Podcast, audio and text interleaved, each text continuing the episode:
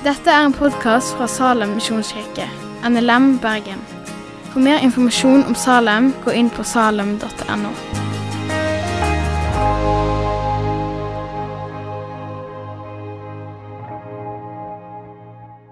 Kjære himmelske Far, takk for at Peter Johan har kommet her til oss i Salem og skal, skal tale for oss i kveld.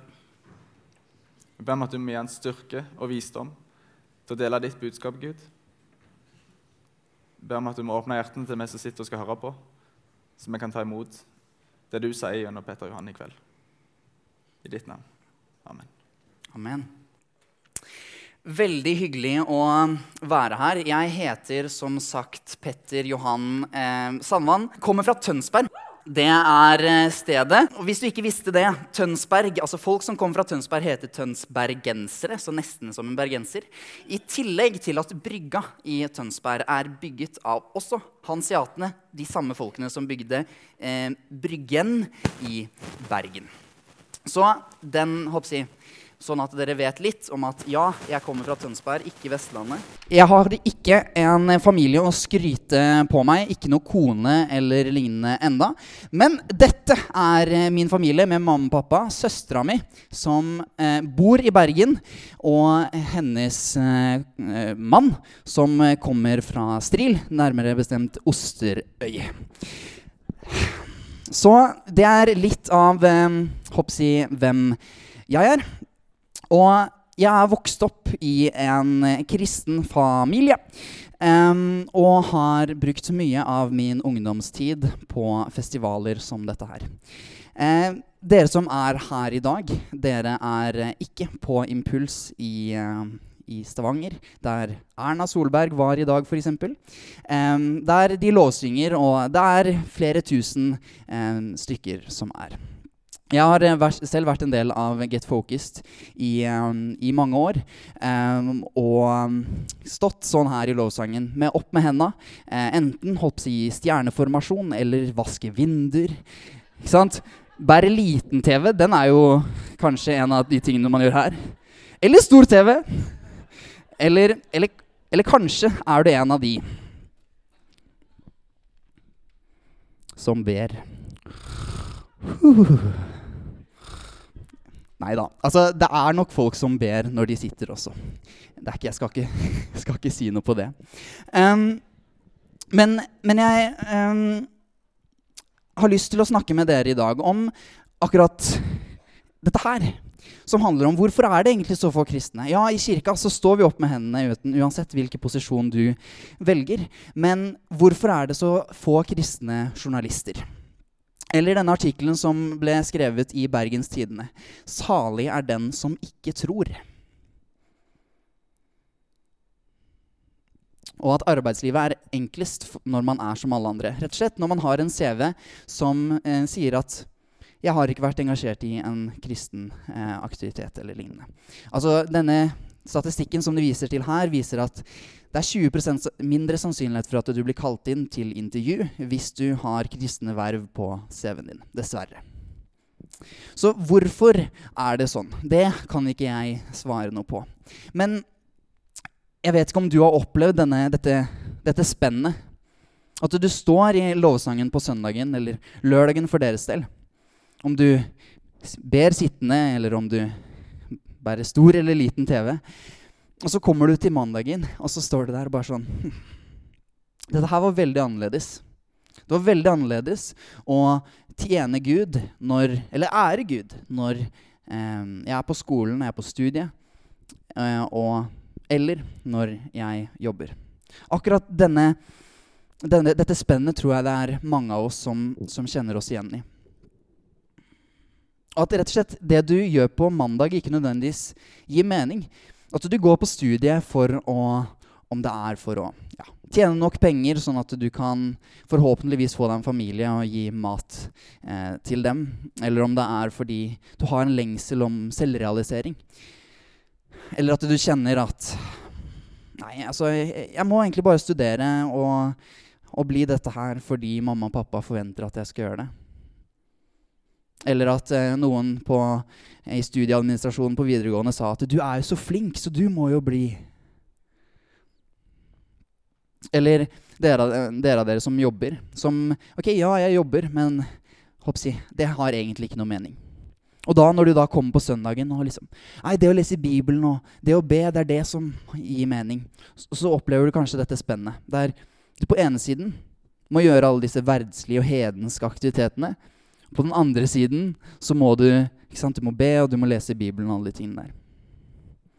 Og det, og det er vanskelig å være fullt engasjert i kirken og fullt engasjert på studiet. Det er vanskelig å skal kombinere og trikse.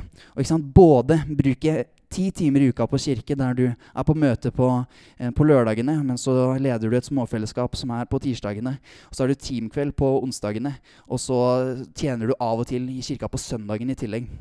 Nå har du plutselig tre eller fire-fem kvelder som er fylt opp til det. Og så har du kollokviegruppe to ganger i uka, i tillegg til at du skal henge med både familie og venner i tillegg. Og det blir en kalender som er helt stappfullt. Og det er kanskje som, om, som dette bildet her. At du opplever at verdenen drar meg i to helt forskjellige retninger. I kirka så liksom skal jeg der. Men når jeg går ut, om, om, deres uke starter på, på, søndag, så opplever du kanskje Nei, jeg skal dit. Eller på mandag så liksom Nja Og du, du skjønner ikke helt at Ja, det er kanskje ikke helt sånn det skal være. Og hva, hva sier egentlig Bibelen om det her med å leve i verden, men ikke av verden. Og bare en, sånn, en liten tanke for å innlede det hele.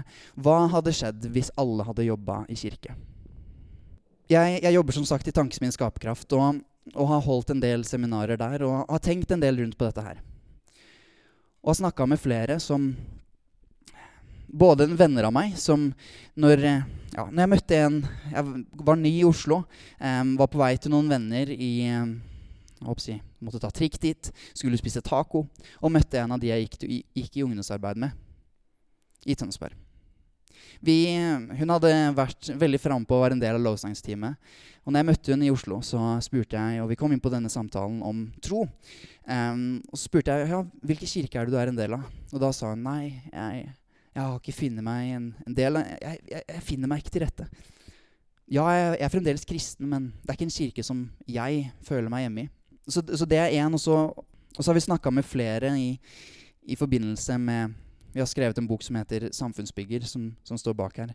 Den innleder med, også med en fortelling om, om to som de, de, var superengasjert. De var av de som sto forrest i lovsangen. Og ikke sant, prise Gud.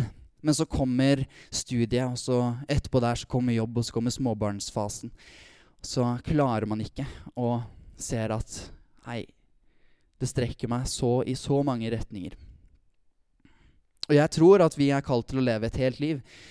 Og se at et liv som på en måte går i én retning Og den retningen er unik for, for hver enkelt en, men jeg har, jeg har lyst til å, å, gå litt inn i det og se ok, hvordan er det, er det dere og vi som en ung generasjon kan gå i én retning og ikke oppleve at vi blir dratt i så ekstremt mange forskjellige retninger. Hvordan kan vi leve et fokusert liv der vi går i én retning og kan både oppnå det vi selv ønsker, men kanskje jeg, enda viktigere hvordan er det vi kan eh, se at Guds rike blir større? Hvordan er det vi kan se at vi kan få lov til å gjøre Guds vilje gjennom våre liv? Og som, Hvis dere ikke har hørt Christian sin tale som var her forrige lørdag, ta gjerne og hør litt på den. Den har enda flere referanser til Bibelen om steder det står om dette med, med arbeid. Og viser f.eks. først til, til um, første Mosebok, som sier at ta jorden og, og, bli mange.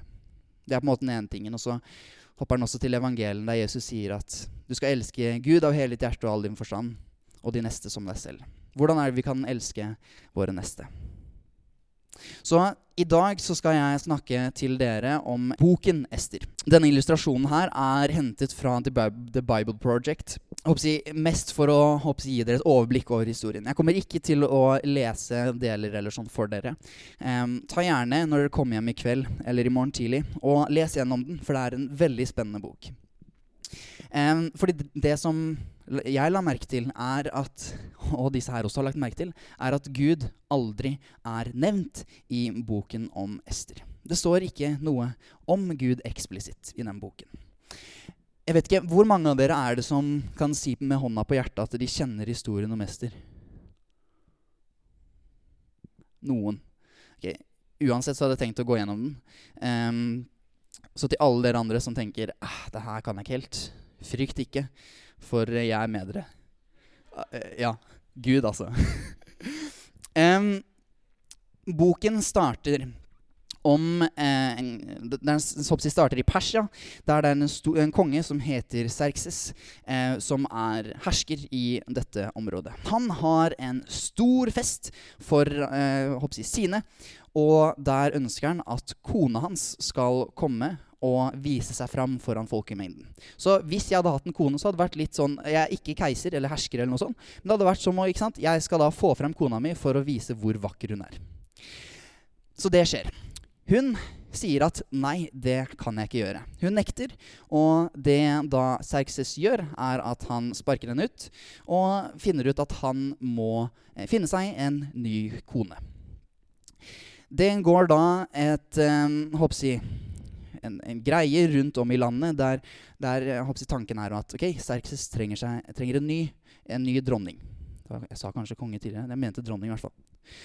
Um, og etter eh, litt så eh, ble det eh, Ester som ble den nye dronningen av dette persiske riket. Mordekai er en annen person i denne historien, som er eh, Kall det onkelen. Han er eh, jeg, Kall det eksfar. Litt komplisert slektshistorie akkurat der.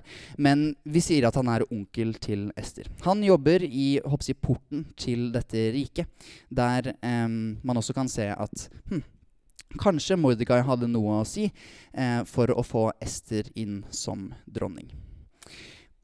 Haman er den siste personen i fortellingen. Så du har Serkses, som er kongen. Så har du Ester, som blir dronningen til kongen. Mordekai, som er onkelen til Ester. Og så har du Haman, som er både Mordekai og Esters verste fiende, fordi hans ønske er å utslette hele det jødiske folket, altså Guds folk. Så det boken handler om, er rett og slett at Haman ønsker å eh, utslette eh, alle jødene. Og hvordan er det da både Mordekai og Ester klarer å eh, stoppe det? Det går et rykte jeg, på denne tiden om at noen av soldatene til Serkses, Serkses, kongen, ønskes å bli drept. Og Mordekai, som sto her Mordekai sa ifra til Serkses at du kommer til å bli drept, og noen har sendt en trussel. Og så sa kongen flott, og gikk videre. Um, så sa Haman Haman her fienden, han sa OK, um, Serkses Det blir veldig mye gåing her og mye ledning. Serkses, eh, vi må eh, ta alle jødene, fordi de eh, jeg, jeg, husker ikke hele argumentasjonen hans, men han, Serkses ble i hvert fall enig i at uh, jødene de skal utstøttes. Og så begynner det spennende. Både Ester es, es, Ester og Mordekai var jøder. De har en jødisk slekt og var da per definisjon De skulle også bli drept.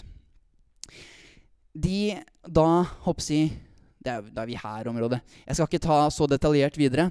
Men det det da handler om, er at både Ester og Mordekai samarbeider om å finne en løsning på hvordan er det vi kan klare å beholde eh, vårt folk, og hvordan kan vi beholde Guds folk. Man, um, og man ser at det er flere hendelser som sier at ok, dette her er ikke bare en strategi, men det er også Gud som er med på laget. Gud er ikke nevnt i historien, men Gud er i hvert fall med. Fordi hvordan um, Eller hva hadde skjedd med, historien hvis ikke Ester hadde blitt dronning? Jo, da hadde ikke eh, det jødiske folket, eller israelittene, overlevd. Og det som skjer, er at um, Ester og Mordekai de planlegger sammen på å finne en løsning. Hvordan er det vi kan gjøre dette her? Og hvordan kan vi bruke våre, vår posisjon på å løse dette her? En lang historie kort. Um, den er ca. ti kapittel, så den er ikke så lang.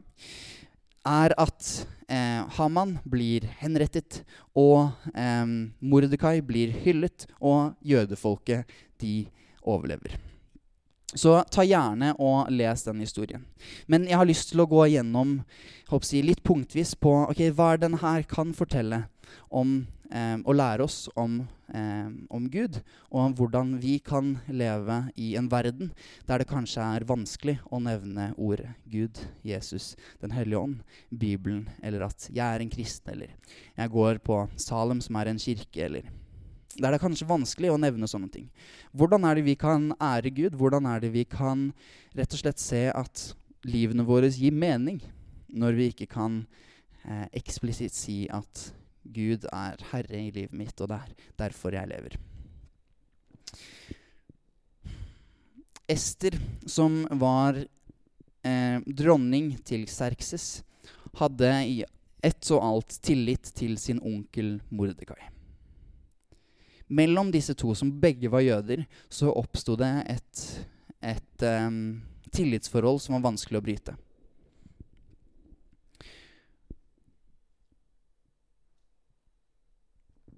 Og dette tillitsforholdet mellom Mordekai er et bilde på hvor viktig det er å ha et tillitsforhold til Gud også. At det er kanskje det som, som gjør at um, at, at, livet er verdt å leve. Det å ha tillit til Gud.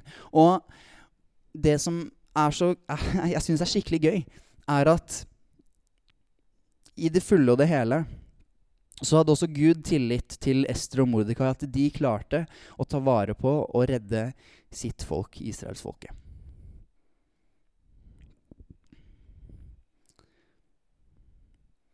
Og Esters bok det handler ikke bare om Ester, men det handler også om Mordekai. Han hadde jobba for kongen i lang tid. Kongen hadde ikke anelse om at Mordekai var en jøde.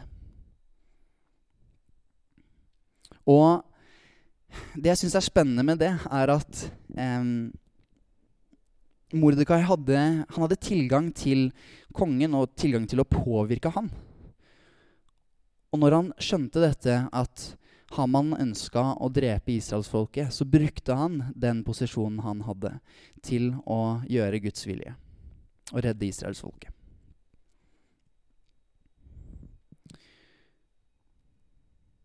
Og litt det som jeg sa, altså Mordekai hadde tilgang til steder der beslutningene ble tatt. Mm. Mordekai var gudfryktig og modig. Han gjorde ikke nødvendigvis det som var best for seg. Det kom til et punkt her der han og Ester sa at jeg og Ester er jøder. Vi trenger å endre på disse lovene her som gjør at vi skal bli drept og hele disse, alle disse andre her.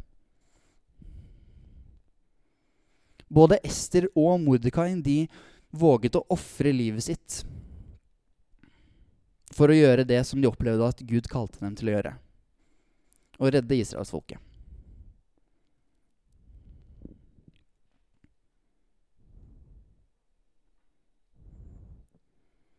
Her skulle det stått onkel. Så Esters bok handler faktisk om Ester, og at hun var minst like modig som sin onkel Mordekai.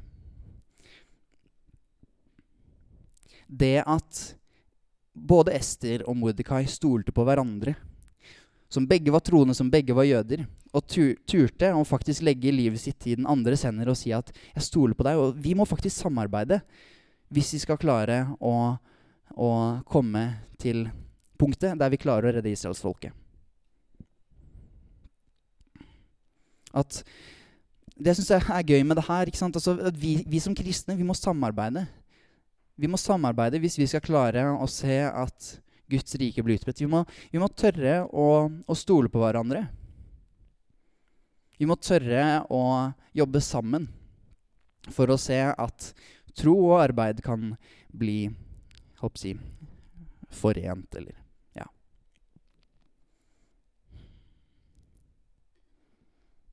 Og hvorfor, hvorfor snakker jeg om alt dette her?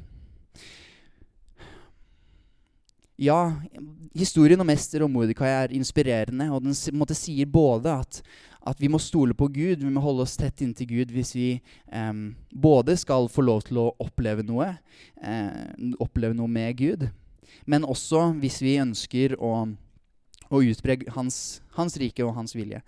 Vi, hvis vi ønsker å rett og slett følge Gud, så må vi faktisk ha en relasjon med Gud. Den sier også sant, at vi må samarbeide som, som kristne hvis vi ønsker å sant, gjøre hva. Og en, en ting um, som, som, slo meg når, når jeg snakka med hun venninnen min som jeg møtte på trikken i Oslo, der hun sa at Hei, vet du hva, jeg, jeg har ikke funnet et sted som jeg hører hjemme. Så skjønte jeg at oi, det der er ikke kun et menneske som det handler om. Det er ikke kun én av mine venner som nå ikke går i kirke. Det er ganske mange av de. Jeg vet ikke med deg om det kanskje stemmer at av blant dine venner, av de du sto i lovsangen med når du var ungdom, så sier statistikk at før eller i 20-årene I hvert fall hva skal jeg si, før du blir 30, så kommer 70% av de som vokste opp i kirke, til å ikke være en del av kirkefellesskapet. Og det er noe som som jeg synes er fælt, rett og slett. Og det jeg tror at denne historien om Ester snakker om altså, hva skal jeg si, Vi kan aktualisere den på veldig mange forskjellige områder. Men jeg tror det er så innmari viktig at vi både tør å samarbeide, tør å stole på Gud, men også at vi skjønner den posisjonen vi er i. Både Ester og Mordekai nevnte ikke Gud i løpet av historien. De skjønte at Hæ, det her kan vi ikke vi nevne. De kan ikke nevne at uh, de var jøder. Så da skjønte de at da, da kommer det til å skje noe. Så det å forstå hvorfor er du der du er i dag, tror jeg er så ufattelig viktig. Det å skjønne hvorfor jobber du, eller hvorfor studerer du det du studerer. Hva er det du skal gjøre med det? Fordi jeg, jeg, tror at Hvis vi som kristne kan sammen stå og si at ja, studiet mitt det gir mening. Ok, Hvorfor gir det mening? Jo, fordi det, eller ved at jeg studerer det jeg studerer, så blir jeg ekstra god på dette området som jeg allerede både syns er innmari gøy, og syns eh, jeg selv er flink i. Så kan jeg se at det blir en måte som jeg kan elske min neste. Som jeg, jeg kan ære Gud, og skal si elske, elske Gud men også kunne elske mennesker. Om det er å være sykepleier, studere til å være sykepleier og se at det å forandre ett menneskes liv, det betyr så ufattelig mye for meg. Jeg er både flink til det, og jeg blir motivert av det. Kjør på. Eller om, hvis det er for deg som, som sitter her og, og, studerer matematikk. Altså, Statistikk viser at de som studerer matematikk og er kristne, eh, så er det kun 23 som opplever troen deres som relevant. Men det å kunne se at nei, faktisk, gjennom matematikk så kan jeg få lov til å ære Gud. Gjennom matematikk så kan jeg se at Guds rike blir større. Eller jeg, jeg syns også at Martin Luther sa det, sa det så fint at hvis Gud ønsker og sier at ja, det å det å gi mat til spurven, det gjør jeg. Og hvor mye mer ønsker ikke jeg da å gi til dere som er mennesker, som er skapt i mitt bilde? Og så sier Luther at ja, kanskje måten Gud gjør det på, er først mellom, gjennom å få en, en bonde til å så kornet, en til å høste det, en til å frakte det til mølla, eller først siloen og så mølla. En som sant, maler det, noen som baker brød av det, noen som transporterer brødet fra bakeren til butikken, og noen som sitter i kassa og biper inn varen og leverer den til deg og sier 'vær så god'. Kanskje det er en måte som Gud forsørger for oss. Gjennom å bruke andre mennesker. Så hvis vi virkelig kan skjønne meningen med det vi gjør, så tror jeg at vi kan se at eh, denne 70 går ned. Og nei, jeg tror ikke at det kommer til å bli perfekt. Men jeg har lyst til å oppmuntre dere til å følge med på denne serien her, som handler om troarbeid. Rett og slett fordi jeg tror det er så essensielt å ta tak i dette her. Fordi hvis vi ikke skjønner ok, hvor, hvorfor skal jeg jobbe med det jeg jobber, så hva skal jeg si, de fleste av oss kommer til å bruke 80 000 timer på jobb. Så blir det 80 000 timer på jobb helt kasta bort hvis vi ikke skjønner hvorfor vi skal gjøre det. Så hvis vi sitter her som studenter, hvor mange av dere er det som er ikke-studenter? Ja, det er noen. Og dere jobber, regner jeg med? Herlig. Og til dere som, som er studenter ta og tenk litt over ok, hva er, det, hva er det jeg kan gjøre med det jeg studerer. Hva, hva godt er det jeg kan skape? Og hva er det Bibelen sier om dette arbeidet jeg skal gjøre? Eller forberede meg på å gjøre. Og det er veldig mange tanker, og det er mye å ta tak i. Um, jeg kommer i morgen til å hoppsi, snakke mer om konkret hvordan er det man kan gjøre dette her. Etter, etter gudstjenesten i morgen. Um, men jeg har lyst til å utfordre dere uansett til å ta litt tak i dette her. Okay, hvorfor jobber jeg med det jeg jobber? Og det å kanskje skjønne hvorfor er jeg satt til å være i denne tiden som dette her. Som Mordekai og Ester, som skjønte at okay, vi er her for å kunne redde israelsfolket fra å bli drept av Serkses og hans gjeng. Um, så jeg håper at vi kan gå ut herfra, ikke med en sånn derre litt sånn nedpå-stil som, som vi har nå. Men at vi kan gå ut her og se på mandag og komme på studiet bare sånn Yes, vi får lov til å studere. Og nesten som Petter Stordalen Det er mandag! Fordi Gud har satt meg til å være der jeg er. Så jeg har lyst til å utfordre deg til å reflektere litt rundt dette her. Okay? Hvorfor er jeg satt til å være der jeg er? Um, det ble snakka tidligere og forrige lørdag om bl.a. en bok som heter 'Samfunnsbygger', som um, Hermund Haaland har skrevet. Jeg vet ikke om dere kjenner til han? Noen nikker, noen nikker ikke.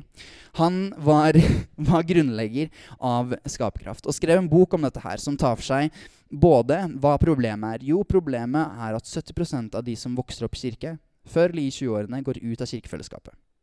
Det er et problem. Måten å løse det på eller Hvorfor er det sånn? Jo, én det er manglende fokus på disipulering i kirkene. Det er for lite fokus på kobling mellom generasjonene. Og tre, det er for lite kobling mellom tro og arbeid. Rett og slett at man ikke skjønner hvorfor er jeg satt til å være der jeg er nå. Så jeg vil anbefale den boken. Og så har jeg en liten hilsen fra Hermund som vi kan se på nå. Kjære Salem Bergen. Så fantastisk at Petter Johan fikk være sammen med dere disse to dagene, lørdag og søndag. Eh, han har gjort en fantastisk reise i et halvt år nå med å fyke rundt og presentere tankene til Skaperkraft senter for tro og arbeid. Som dere har hørt, så er det helt tragisk å se at vi faktisk mister så mye som 60% 70% av barna våre som vokser opp i våre menigheter. Vi har lyst til å bidra til at dere og mange andre menigheter og forsamlinger i Norge blir bedre på nettopp et av de viktigste feltene forskningen viser. Vi må bedre koble hva Guds rike handler om, både i forsamlingen, men også ute i hverdagen, og spesielt på jobb. Så derfor håper jeg at vi kan få lov å invitere dere nå til å bli en partner med oss i Skaperkraft. Nå har vi 871 av siste tallet, enkeltpersoner som bidrar med en hundrelapp eller to i måneden for at vi skal på ene siden bygge Senter for tro og arbeid, hjelpe nå over 50 menigheter i Norge med å knytte bånd mellom tro og arbeid, og på andre siden stå tydelig frem i mediebildet med kristne verdier og løfte frem at de Bibels grunnverdier som vi tror er de beste for landet vårt, de er relevante ikke bare i fortiden, men i 2021, 2022 og 30 og veien videre. Da får du muligheten til å bli partner her med et skjema som Petter Johan har med seg. Jeg håper du løper frem, så får du samfunnsbygger som jeg hadde gleden av å skrive i fjor. Fantastisk inspirerende, syns jeg sjøl. Håper du blir inspirert også til å fortsette å følge Jesus der du er i din hverdag. Guds fred. Så jeg har lyst til å avslutte med det, med disse utfordringene. Ok? En, hvis du har lyst til å bli partner i Skaperkraft og si at dette her er så viktig at vi kan um, reise rundt og holde både seminarer, foredrag om dette her, og i tillegg gå ut med kristne verdier og få de ut i samfunnsdebatten. Um, når det er snakk om um, både dette her med artikkelen i BT om at det er vanskeligere for kristne å, å få jobb, eller om det er debatt om om eh, homoterapi eller, eh, eller, håndball. At vi som kristne kan stå opp der. Så hvis du har lyst til å, å bli partner, ta og kom fram til meg eh, enten i lovsangen, eller så kommer jeg til å stå bak der etterpå. Um, så um, setter vi veldig pris på det. Um, den andre utfordringen min er at etterpå, nå under lovsangen, så vil det være forbønn. Så hvis du sitter her og bare sånn det er ekstremt inspirerende å høre om at Ester og Mordekai de skjønte virkelig hvilken tid de var, og hva de skulle gjøre. Men jeg vet ikke det. Ta og Gå til forbønn og bli bedt for om av Ja, eh, om det. Eh, av Ja, i hvert fall. Ta og gå til forbønn og, og si til dem at hei, jeg vet ikke helt hva jeg gjør her i Bergen. Jeg vet ikke helt hva jeg studerer, eller hvorfor jeg gjør det. Og ta og snakke litt med dem og si det. Så tror vi virkelig at Gud har lyst til å fortelle deg det. Men og så nummer tre ta og hugg tak i noen venner og begynn å snakke om dette her. Snakk sammen om hvorfor gjør jeg det jeg gjør. Takk for at du har hørt på podkasten fra Salem, Bergen. I Salem vil vi vinne, bevare, utruste og sende. Til Guds ære. Vi ønsker å se mennesker finne fellesskap, møte Jesus og bli disippelgjort her i Bergen og i resten av verden. Vil du vite mer om oss, gå inn på salem.no.